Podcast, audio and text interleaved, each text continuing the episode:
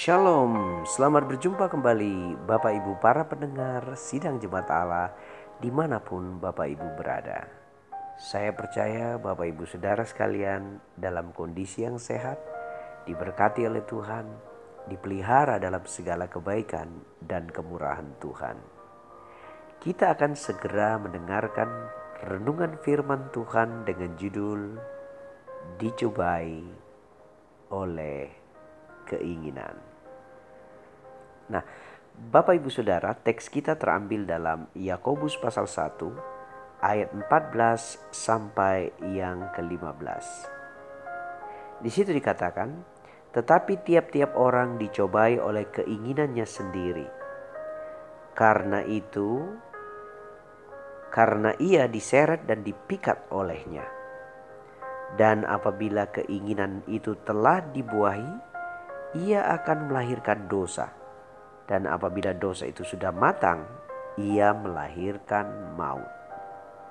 Dari teks yang telah kita baca, kita belajar sama-sama tentang tahapan seseorang jatuh di dalam dosa.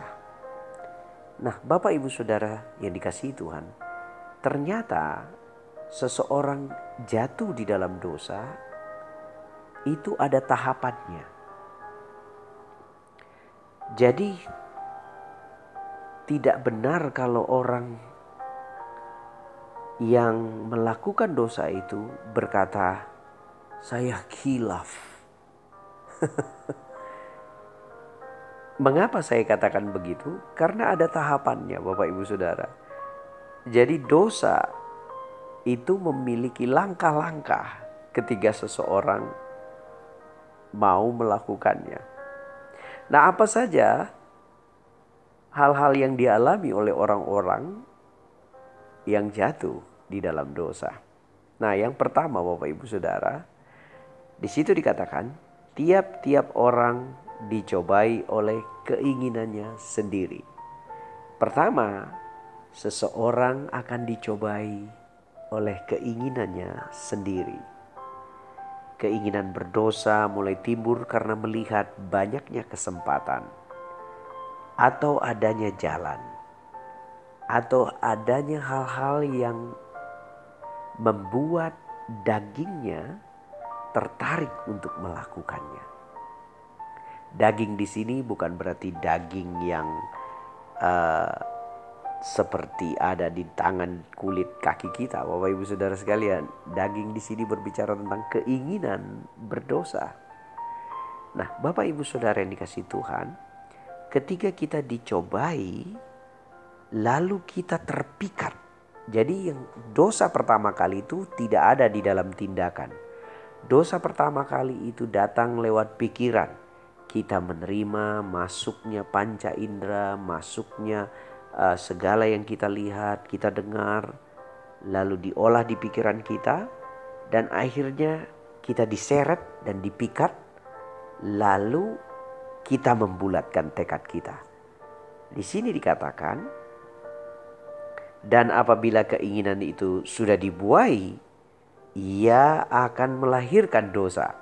Jadi setelah di pikiran kita, turun di hati kita, kita mantap melakukannya, maka akan muncullah tindakan berdosa.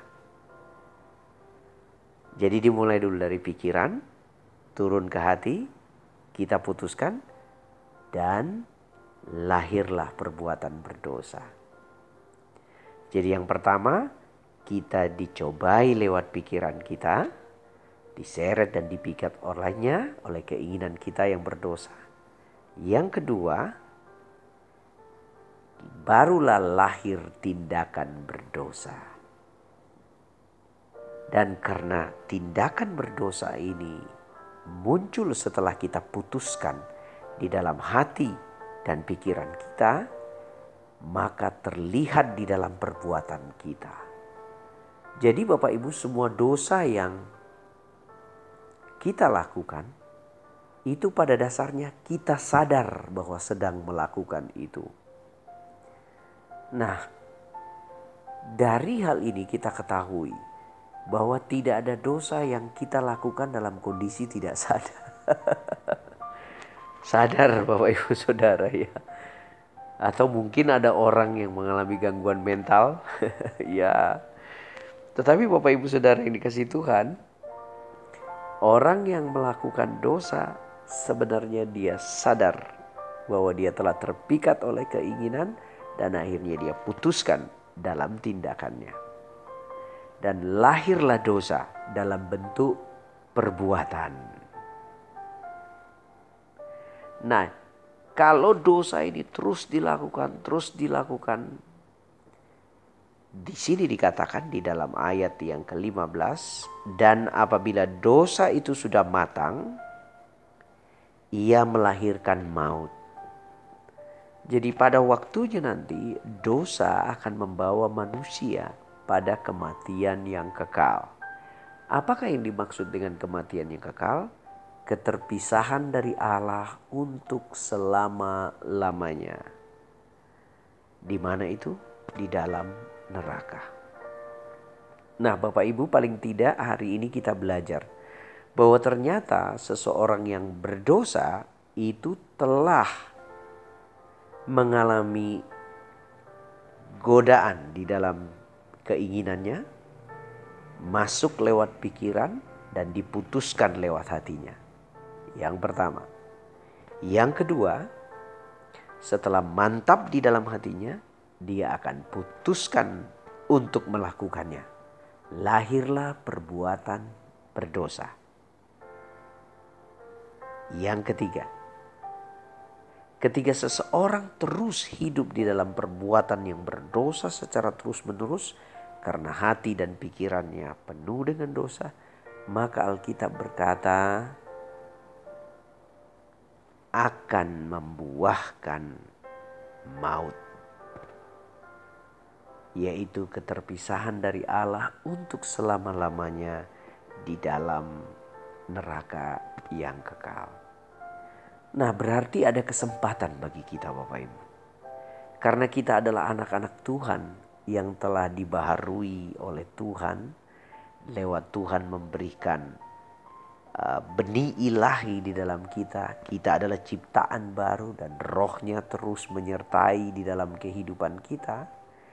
Maka kita beroleh kemampuan. Begitu ada godaan datang berupa keinginan keinginan untuk bergosip, keinginan untuk melakukan perbuatan yang jahat, keinginan untuk melukai orang lain, keinginan untuk tukaran, keinginan untuk melakukan perbuatan-perbuatan tercelah, itu pertama kali akan masuk lewat pintu pikiran kita. Kita digoda dulu, dan akhirnya kita